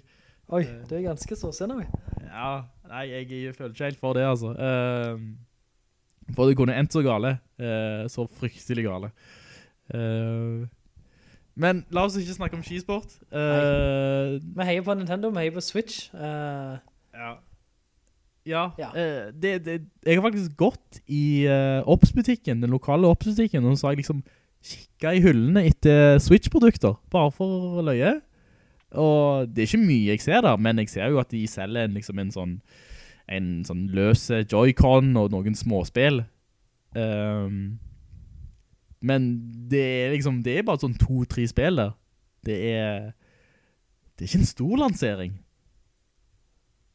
hva, hva spill er det som ligger i hyllene? Jeg tror det er noe Just Dance og Ja, er det den jeg ser? Det er veldig fargerikt i hvert fall. Ja, for jeg tror for, eh, for familier spesielt. Ja, ja, så er det den der one å, være på, eh, være synlig i hyllene. Ja, ja, ja, det er akkurat det. Altså eh, De må ha noe inne til enhver tid, og de må ta litt plass. Ja, altså, det, det var ikke lett å legge merke til eh, Switch-produkter, rett og slett. Jeg måtte leide. Du skulle tro det var liksom en svær plakat og neonlys, og jeg da, her er den nye Nintendo-maskinen, kom og kjøp! Ja, ja. Men eh, nei, jeg måtte liksom leide og så, åja, og selve pakken på disse Joy-Conene, den er jo så liten. Det er liksom bare en sånn liten på størrelse med en uh, mobiltelefon. Og det er Så- en elektriske tannkost. Ja, de selve produktene, Switch-produktene tar ikke mye plass. Så uh, jeg vet ikke, de har ikke gjort et inntrykk på meg i, ute i virkeligheten. Jeg ser ingen plakater. Jeg ser ingen reklame på TV. Det er Um, sant det. Det er lite markedsføring. ja, uh, så det er jo Bergsaler kanskje som holder på med dette. De satser kanskje på at folk bare vet om det. Uh, word of mouth, liksom. Men de har, de, klart, de har solgt den ut overalt, så noe må de ha gjort riktig. Ja. Nei, Mm. vi, får, uh, vi får vente og se hva som skjer. Ja, uh, selvfølgelig meg og deg heier på Nintendo uten å kjøpe det selv. Så Ja, som, som Hei sa så fint, vi kjøper jo i hvert fall ikke beta-utgaven. ja, for det, dette er liksom bare versjon 1, og så venter folk på versjon 2 kanskje. Den der- Nintendo Snap Snap. Knip, det knip, knaps. Nintendo Knaps. knaps. Uh, nei, og uh, jeg har en siste nyhet å komme med. Ja, hva med det? Og det er, er at uh, StarCraft 1 skal bli remasteret. Og eh, de skal... Uh, og den originale versjonen skal være gratis å laste ned da. Um, Ja, stemmer. Både den og Brood War. ja, så folk som... Jeg tror det er en sånn jubileum på så, så, så mange år siden. Ja, det er 20, 20 år siden StarCraft kom. Ja, nå føler jeg meg gammel for søren. Ja, det kan du gjøre. Eh, Det kan det gjøre. um, Det men var de har ikke liksom... det første spillet vi spilte, for å si det sånn. Hva? StarCraft var ikke det første spillet vi spilte. Nei, det, det var ikke det. Du, vet du hva? Jeg var på en uh, quiz her om dagen. Uh, på skolen. Ja. Og så var spørsmålet, hva tid kom første Super Mario ut? Uh, Aller første. Aller første. Gamle røreleggeren. Åh, jeg hadde tippet 1983, jeg. Eh, faktisk, det var 1980... Åh, var det fem? Nå husker jeg ikke svaret. Jeg hadde ikke rett i hvert fall. Jeg tippet 1987, og så tror jeg det var 1985. Ah. Uh, la meg bare sjekke der uh, kjapt, som ikke uh, på en måte lurer våre lyttere. Men det spillet er gammelt. Det er gammelt. Ja. Men det kommer jo litt senere til Europa da, siden... Og spill varte jo mye lenger før. Det gjorde det. Sånn, altså, to år senere så var det jo et nytt spill ennå. Mm, stemmer. Det var en litt annen tid. Eh, men eh, ja, det, altså... Da følte jeg meg litt gammel, og når du nevnte StarCraft nå, så følte jeg meg også litt gammel. Eh, men eh, den nye, eh, nye StarCraft-versjonen nå, skal de på en måte... De har gått inn og tegnet på grafikken, sånn at det, ser mye skarpere ut. Eh, du skal kunne spille på 4K Ultra HD på skjermen din, og kunne zoome så langt inn at du ser tentaklene på disse eh, overlordene, og så kan du zoome så langt ut at du har liksom et oversiktskart eh, fra verdensrommet nesten. Så ja, de eh, fikser litt og får melka den kua enda litt mer. Ja, men Blizzard har lov. De holder jo på å støtte spill eh, syv år- år etter de gjør det ut. Ja, Med gratis oppdateringer. Diablo Ja. 3 fikk jo nettopp inn på, på Playstation 4-ene. ja, ser du? Ja, ja. Nå har de også fått sånne sesonger som, som PC-er. Mm. Så det, nei, de, de, de støtter det jo hele veien. Massive oppdateringer. De er flinke med liksom å holde i live kan du si eh, serier og IP-er som der det er en samfunn. Ja, altså, hadde Blizzard vært eh, bilprodusent, så hadde du fått eh, gratis service, EU-kontroll og EU-kontroll og... Hva er dette? De hadde på en måte pimpet bilen for deg. Ja. Så. Ja, bare putte inn nye høytalere og eh, ekstra subwoofer og Sideskjørt og terninger i speil og alt som var, vet du. sånn spoiler. ikke det en sånn ting på Jo, spoiler, det er en ting. Ja. ja, nei, eh, Blizzard, de er, vi er glad i Blizzard. De er kjekke. Eh, de, eh, og, altså, det tar jo 100 år mellom hver nye spill som kommer ut, men når spillet først kommer ut, så er det bra. Ja, jeg lurer jo fælt på om det kommer et nytt Warcraft en gang. Eh, Warcraft, hadde det blitt fire nå, tror jeg? Ja. Ja. Eh, ja, nei, du kan lure. De, hold, de har jo, eh, kan du si, en masse baller i lufta. Eh, Overwatch selger veldig bra. Um, og så har du StarCraft 2, er også veldig aktuelt, som sånn uh, sportsspill. Mm. Uh, og World of Warcraft, hallo. Uh, der også er det stadig nye oppdateringer. Jeg tror de fikk en massiv oppdatering akkurat nå. Ja. Som igjen gjorde mye. Så hvordan de eh, liksom klarer, de må ha et vanvittig svært uh, team for å liksom holde alt dette ved like. Ja, ellers har de et passe bra team som da lanserer spillet, så bare fortsetter å jobbe på det spillet Ja. hele veien. Ja. Hele veien. Da eh, skjønner jeg at det tar litt tid mellom liksom, hver nye storspill. Uh, men de har jo sin egen uh, konvensjon, altså den egen BlizzCon. BlizzCon, ja, der de, Ja. de, de, de styrer seg selv. De, er sine egne sjefer. Hvis du får en egen messe oppkalt etter deg, da vet du at du har gjort det bra. Det er lenge siden, uh, var det Lost Vikings vi? Ja, ja, fy søren, det er lenge siden. De har kommet langt siden den gang. Ja, uh, stemmer. Nei, det er et gammelt spill, altså. Tenk at de starter på uh, på så enkelt spill som det der. På Super Nintendo og Mega Drive. Ja. Mm. Nei, skal vi runde av nyhetene med, med det, vi? Ja, jeg tror, eh, jeg vet ikke om det har skjedd så mye mer uh, uh, i forhold til i spilnyheter. Det, nå blir det som sagt sikkert litt stille. Uh, Kan jeg, kan jeg komme med en spådom til, vi? ja, spå i vei. Virtual reality er død. Åja, den kom og gikk, tenker du? Det har vært veldig stille, vi. Ja, ja, det, det har jo Uh, Det er Eller, så nå eier jo ikke jeg et VR-headset, men jeg, jeg ser ikke noen VR-spill i anmelderseksjonen på internett. Ja, det, det er så dyr teknologi, og jeg tror det er så få som på en måte har toget det til seg, at det blir en sånn nisjegreie. Ja. Mm. Nei, det går kanskje noen år før det blir så normalt, uh, alle man sier. Uh, Kanskje, men jeg, det ordet dukker ikke opp i, i, i nyhetsbildet lenger. Nei, eh, vi får se om du har rett. Så, Uh, I dvale i hvert fall, hvis han ikke ja. i dvale. Han sover. Det kan være han sover.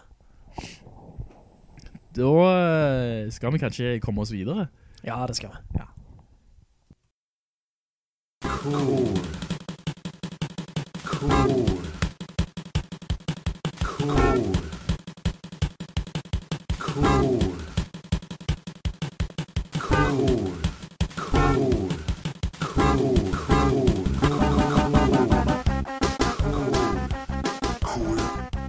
du, eh, nå i eh, Kul Kultur så skal vi snakke om en sp viss spesifikk form for filmer, og det er dokumentarfilmer.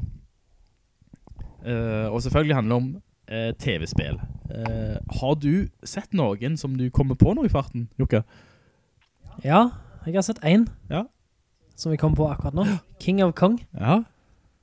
Ja, veldig kul. Ja, det, det er en sånn Jeg tror den satte virkelig på en måte uh, et, et inntrykk i filmindustrien om at det går an å lage en dokumentar om noe så banalt og så enkelt som TV-spill. Um, for der, der handler det jo om kan si, to hovedpersoner som konkurrerer bittert og hardt om uh, det aller første Mario-spillet som heter, eller det er jo Donkey Kong-spill, men der Mario hopper over tønner eh, og flammer for å redde denne prinsessen da, og så er Donkey Kong på toppen og, og, og knurrer. Han heter vel bare Jumpman Ja, den på den tiden. Eh, men det interessante med den eh, dokumentaren var jo at eh, han ene fyren ble liksom framstilt som eh, liksom en underdog eh, og litt sånn semi-autist eller noe sånt. Og så hadde liksom han der han eh, andre, han som regjerte, var litt mer sånn eh, hoven og full av seg selv, og liksom, han solgte chilisaus med navnet sitt på. Ja, stemmer det. han virker liksom ikke særlig sympatisk. Jeg tror Han virkelig... var på en måte kongen i garasjen sin Ja. med, med arkadespillet sitt. Ja.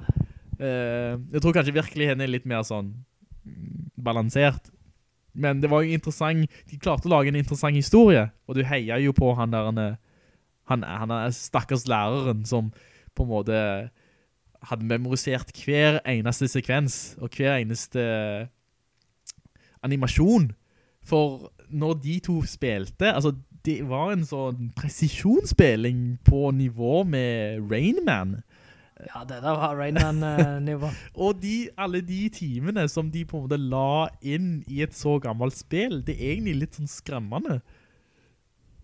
ja, det var jo å si det fint. For dette var liksom to voksne folk som hadde dedikert så mange timer av livet sitt, sitt voksen, sin barndom og sitt voksne liv, på et gammelt, utdatert spill. Uh, og- dette var fortsatt aktuelt for dem. Og familien deres var jo påvirket av denne besettelsen uh, av et så rart spill. Uh, men jeg tror spillet, eller nei, filmen, dokumentaren ender med at han underdagen, han klarer å ta rekorden. Uh, hvis jeg husker riktig. Så det, Ja, men Hva? ble ikke den tatt tilbake sånn kort tid etter filmen? jo, jo, altså det er jo en etterhistorie etter denne dokumentaren som jeg ikke er helt sikker på, men det er jo tingen med sånne rekorder er at de står ikke særlig lenge. Det er alltid en eller annen fyr som skal ta en ny rekord. Og det er jo litt kult, og samtidig litt sånn rart at, altså jeg og deg liker TV-spill, men det er ikke så dominerende i livet vårt at det går på bekostning av andre personer og hobbyer. Eller? Nei, de, de må jo ha sett på seg selv som, uh, som, som toppidrettsutøver alt. Ja, ja, for det er en sånn, det er på dette nivået. det er nivået. bare de som slipper unna med det der greiene der. Ja. Det, det, det er en sånn, det er på så, det er på så høyt nivå de tar det. At det, at det går fra dag og natt, og de tenker ikke på noe annet. At eh, jeg synes liksom nesten litt synd på det, at, at det skal være så viktig. Eh, og det er jo derfor de klarer å lage en dokumentar om det, fordi disse, det er veldig rare folk og karakterer. Ikke bare de som er med i den konkurransen, eh, eller er med i denne kjempingen, men også folk som driver denne konkurransen. Han, det er en sånn person som, den, du har en dommer, og så har du folk som driver disse arkadehallene, Mm. og så var det visst nok folk på som hadde liksom gått rundt og sabotert for den ene fyren. For, for siden de heia mer på den andre, så hadde de gått hjem til, og, hjem til han fyren og liksom trakassert kona hans og sagt Du, ikke spill på den maskinen, det er juksemaskin, og bare sånn masse på trynet. Um, av og til så tror jeg at folk som spiller TV-spill ikke alltid har beina på jorda. Noen folk. Selv alle skulle hatt beina på jorda, så hadde det blitt trangt her nede, tenkte jeg. Det er greit at folk flyr og svever litt. Ja, er det ikke? Eh, men dette var jo, dette er liksom King of Kong. Uh, Fistful of Quarters, hvis dere synes det høres løye ut. Uh, andre dokumentarer som finnes, han, hvis du vil ha et dypdykk i hvordan det er å lage et indie-spill, så kan du, dere se på eh, Netflix, alt dette er på, til, forresten tilgjengelig på Netflix. Så kan dere se på et, en dokumentar som heter Indie Game. Og der følger dere utviklingen av uh, de som står bak uh, Fez og oh, ja. uh, Meatboy, tror jeg. Og du ser hvordan- hvor, hvor viktig det er for dem, for det er som regel to eller tre personer som har liksom skapt denne kreasjonen og dette spillet, og det er blod, svette og tårer dag ut og dag inn, og så kommer de på sånne messer og legger frem spillet sitt, og så ser de at folk tester det, og så du ser, de, de har lagt hele sjela si i Det er liksom fem-seks år av, de, av livet deres som de har lagt i dette produktet. Og Beinhardt arbeid de holder på med, altså. det er det. Og, Dag og natt, sikkert. og det, det er liksom Hvor får de penger fra? Nei, de må ha skrapt det sammen sjøl. Eller nå er det jo sånn kampanje, sånn kickstart og sånn som finnes. Ja, ellers så lever de vel på stipend eller på, i, Og, på luft til kjærlighet. og ja, og det er liksom så enkelt, det, folk må leve så enkelt, og liksom leve på nudler og yum-yum. Eh, men så kommer den dagen der de legger ut spillet da, og så, er, og så går det bra, og du ser det så bra når, når folk har liksom jobbet så hardt, og så legger de ut, og så slår det rekorder, og folk liker spill, og det er bra anmeldt, og det er liksom, det er veldig givende å se til at, at, eh, at de får det til. Men dette er jo bare et par suksesshistorier, og det er mange som ikke får det til i indie- indie-industrien. Eh, men dette er jo Mm. interessant å se at eh, altså, du har sånne trippel A-produsenter, eh, og så har du de enkle folket som bor i kjelleren og liksom prøver så godt de kan. Eh, så det er en annen side av industrien som så langt ikke har liksom fått så mye oppmerksomhet. Ehm, andre dokumentarer som dere kan sjekke ut er for eksempel Video Games The Movie. Det er mer sånn, hvis du ikke har peiling på spillindustrien, så kan du følge det fra starten eh, til slutten. Altså hvordan ting startet, og hvor ting ender opp i dag. Ehm, det er liksom ABC for videospill, TV-spill. Og du har noen en del er som... kjendiser er det som... kjedelikt for oss innvidde å, å se på, eller? Hva? Er det underholdende? Om det er... Er det kjedelikt for oss som kan dette? Ja, Eller er det kjekt ja. å se kjente fjes og navn? Det blir mer litt sånn du, du lærer ikke noe nytt, men det er jo kjekt å se liksom Ja, ja jeg husker Jeg husker den der Det hoppet. Jeg husker når vi gikk fra Nintendo 64 til GameCuben. Eh, og det er kjekt å se at eh, kjendiser også har blitt påvirket, og de også liker TV-spill på lik linje med oss. Uh, de også har vokst opp med TV-spill. Um, men den, den dokumentaren er et par år gammel nå, så vi har liksom bevegt beveget oss forbi det punktet som de nevner. Ja. Uh, men en annen uh, Åja, det, den har jeg ikke sett enda, men den virker interessant. Det er en, som- heter Nintendo Quest. Eh, og det er en fyr som på en måned, eller han er, han er, det er tidsbegrenset, uh, så skal han reise over hele USA og kjøpe originale Nintendo 8-bit-spill. For han skal ha den komplette samlingen. Ja, det er jo noen sånne som skal ha komplette samlinger. Ja. Og, og da må du liksom gå fra bruktbu til bruktbu og gå på sånne smale TV-spillskjapper og snakke med rare folk. Og han er jo rar selv, sikkert. Uh, men det blir en sånn samlemani. Klarer han det? Ja, jeg tror det. jeg, tror, jeg tror det. Uh, men For er det ikke noe sånn der eh, Sensible Soccer eller et eller annet som har vært vanvittig mye jo, penger? jo, jeg tror uh, til slutt så kommer du over spill som du kun lagt 100 kopier av. Og de er drit, men de bare vet veldig mye. ja, sant. Uh, så, så jeg tror det kan være en morsom sånn, indi, eller sånn små dokumentar for å se hvordan hvordan han, det blir en sånn roadtrip for han da. Han reiser fra sted til sted, og du snakker med ulike folk, og hvert spill har sin egen historie, eh, hvordan det ble produsert, og hvordan det havnet hos, i hendene hans. Eh, og så har han liksom sin egen historie. Hvordan, hvorfor samler han på disse spillene? Hva er det som driver han fram? Eh, Så det kan jo være løy å se på. Ehm, hvis dere vil se på hvordan TV-spillmarkedet krasja på 1980-tallet, så kan dere sjekke ut Atari Game Over. Ja, Det var virkelig game over. ja, for, for det, det da, på den tiden så ble markedet bare overlessa av Pac-Man-kopier, uh, og uh, hva annet var det? Sånn Pong, og det, var liksom bare kopier på kopier, og billige versjoner, og alle liksom kastet seg på en bølge, den samme bølgen. Eh, Det var jo så utrolig mange konsoler også, Gud. ja, jeg tror det var liksom Og alle, alle de lovte liksom de samme ting Og det var bare liksom en oversvømmelse av dårlige produkter At markedet krasjer Og mange skylder dette på et spill som heter E.T. Altså basert på filmen Er det er det, den som det skal ligge 500 000 eksemplarer av i, i ørkenen Ja. i, i Nevada? Og i den dokumentaren så er det en gjeng med liksom eh, Kan du si TV-spill arkeologer som skal finne denne haugen da. Så de reiser ut og får tag i på en måte tillatelse og leier inn bulldoser og begynner å grave.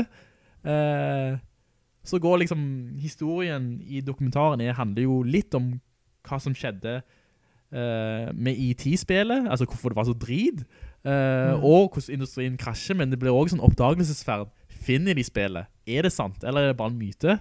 Uh, så det er litt spennende å finne ut av. Atari. Game over. Game over. Og den siste dokumentaren jeg vil nevne er en som heter Man vs. Snake. The Long and Twisted Tale of Nibbler. Som minner, jeg tror den minner mye om King of Kong. Bare dette er Snake-spillet. Uh, altså den... På Nokia, Nokia. 3210. 2D, ja. Men originalen var jo en sånn arkadegreie. Eh, oh, var det det? så da, da, da har du liksom den samme historien med en eller annen fyr som bare er liksom litt sånn rar, og som har spilt dette spillet så lenge, uh, og han har en sånn vanvittig rekord, men jeg tror den rekorden ble tatt. Så nå er det hans kamp for å komme seg tilbake da. Eh, Oi, så det er liksom litt sånn, sånn Rocky-trening, og ja, nå skal jeg komme meg tilbake inn i ringen, og jeg skal liksom ta dette spillet. Uh, så, uh, nei, rare folk og rare historier, eh, som kan være verdt å sjekke ut hvis du eh, har litt, lyst, liksom, litt, lyst til å både virkelig eh, velte deg i TV-spillkultur. For dette er ultranørdete. Jeg tror ikke folk generelt um, kanskje helt skjønner hvor mye TV-spill kan bety for enkelte. Uh, det, liksom, det blir hele Nei, livet Men det er jo kanskje som noen samler på frimerker. Ja, ja, det er det. no noen der sånn fugletitter, altså. Det er jo de som, som tar det litt for langt av til. Ja. Uh, og det, det, det er jo litt spennende for oss som på en måte er litt mer sånn meg og deg liker TV-spill, vi snakker om det, vi driver en kringkasting. Uh, men så har du disse snåle, eh, eksentriske figurene som tar det liksom veldig langt da. Eh, Ja, vi, vi er ikke der helt ennå. vi. kommer kanskje der til slutt. Nei, nei. Nei. nei. Uh, men det, det, ja, det er så underlige karakterer. De, de gjør det liksom industrien litt mer eksentrisk og litt mer levende. Eh, og litt mer gøyal, rett og slett. Oh, apropos en levende industri. Ja. Uh, jeg vet ikke hvem han fyren er, men jeg hørte at det var en YouTuber uh, som hadde en rolle i Ukulele. Jo, jeg kjenner til han. Eller, jeg kjenner ikke til han. Jeg vet hvem han er. Uh, hva heter han for noe? John Tron. Don Tron. John Tron. Eh, og, og så har de, så har de fjernet den, fordi han hadde kommet noen oppskønne uttalelser. Ja, det, det var vel litt sånn høyre-ekstremist som, jeg- som jeg er veldig overrasket av, siden han virker som en veldig all-right fyr. Eh, Så jeg vet ikke liksom, på noen, på en Reddit-side, eller på en, en eller annen offentlig forum, så hadde han liksom kommet med veldig drøye uttalelser. Uh, så da skjønner jeg at eh, Playtonic har liksom kuttet han ut fra ukulele. Eh, Ja, jeg støtter jo det. Det er jo en mm, flommer jo over av høyreekstreme folk eh, for tida. Mm, og jeg skjønner at de ikke vil bli assosiert med han. Uh, for dette er jo barnespill. Uh, og, eller, dette skal spilles av folk i alle aldre, og de vil jo ikke ha en sånn negativ skygge over seg.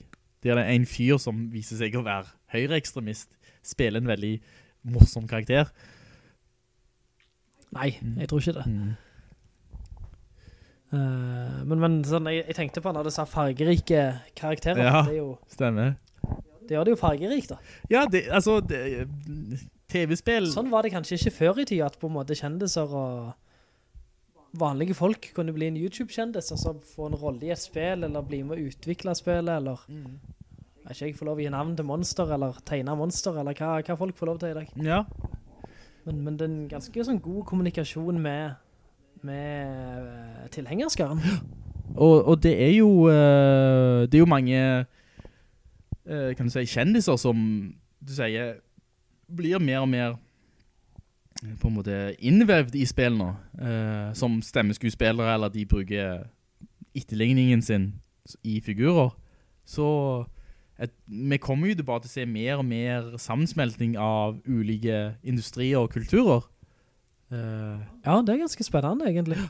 Uh, Ja, for, for TV-spill er jo en sånn interaktiv medium. Uh, der du kan, plutselig så kan du liksom snakke med din favorittkjendis i et spill, og det er jo kult, for det er en, liksom en ny måte å, å ha kontakt på.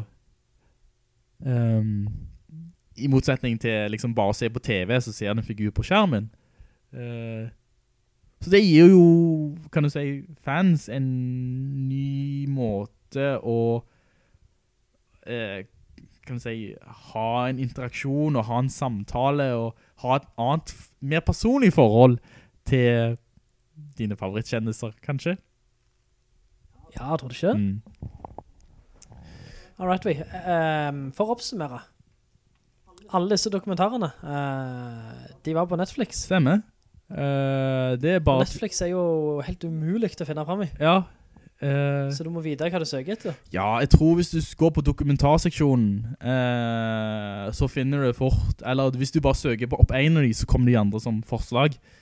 Ja, ok. Um, så husker jeg at Harry, Game Over, så. Ja. Så kommer resten. Ja. Uh, det finns jo, kan du si, vi snakker jo om filmer nå, og det finns jo veldig mange spillefilmer om, som handler om TV-spill, men vi kommer vel til å snakke litt mer om det en annen gang, eh, ja, for de er ikke like suksessfulle. Nei, det er de ikke. Uh, faktisk siste versjon ut nå, siste forsøk på overvinne denne forbannelsen er jo Assassin's Creed. Så kanskje meg og deg skal se den, Joke. Hvorfor sier du kanskje? Jo, eller bare sånn...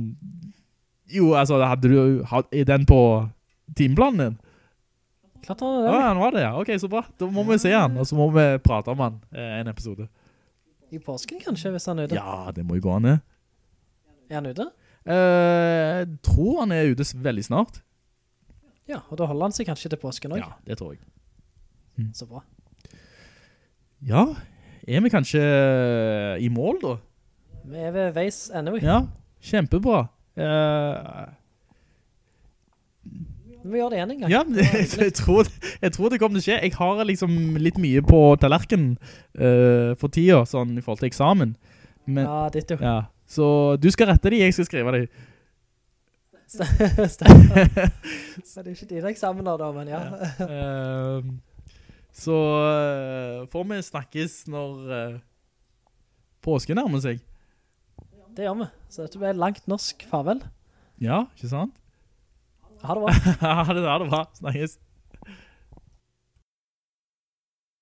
Denne episodens eh, avslutningssang er hentet fra Fire Emblem Heroes, spillet på mobile enheter, og den sangen er jo helt fantastisk. Det er en litt heller dårlig uttalelse av engelsk, sunget av en japaner, eh, og uh, den, den, er pompøs og ridderlig og operaaktig og har alt det du trenger fra en Fire Emblem-serie.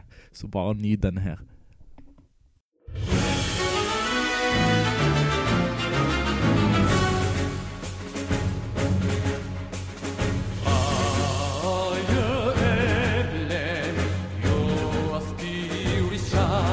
champion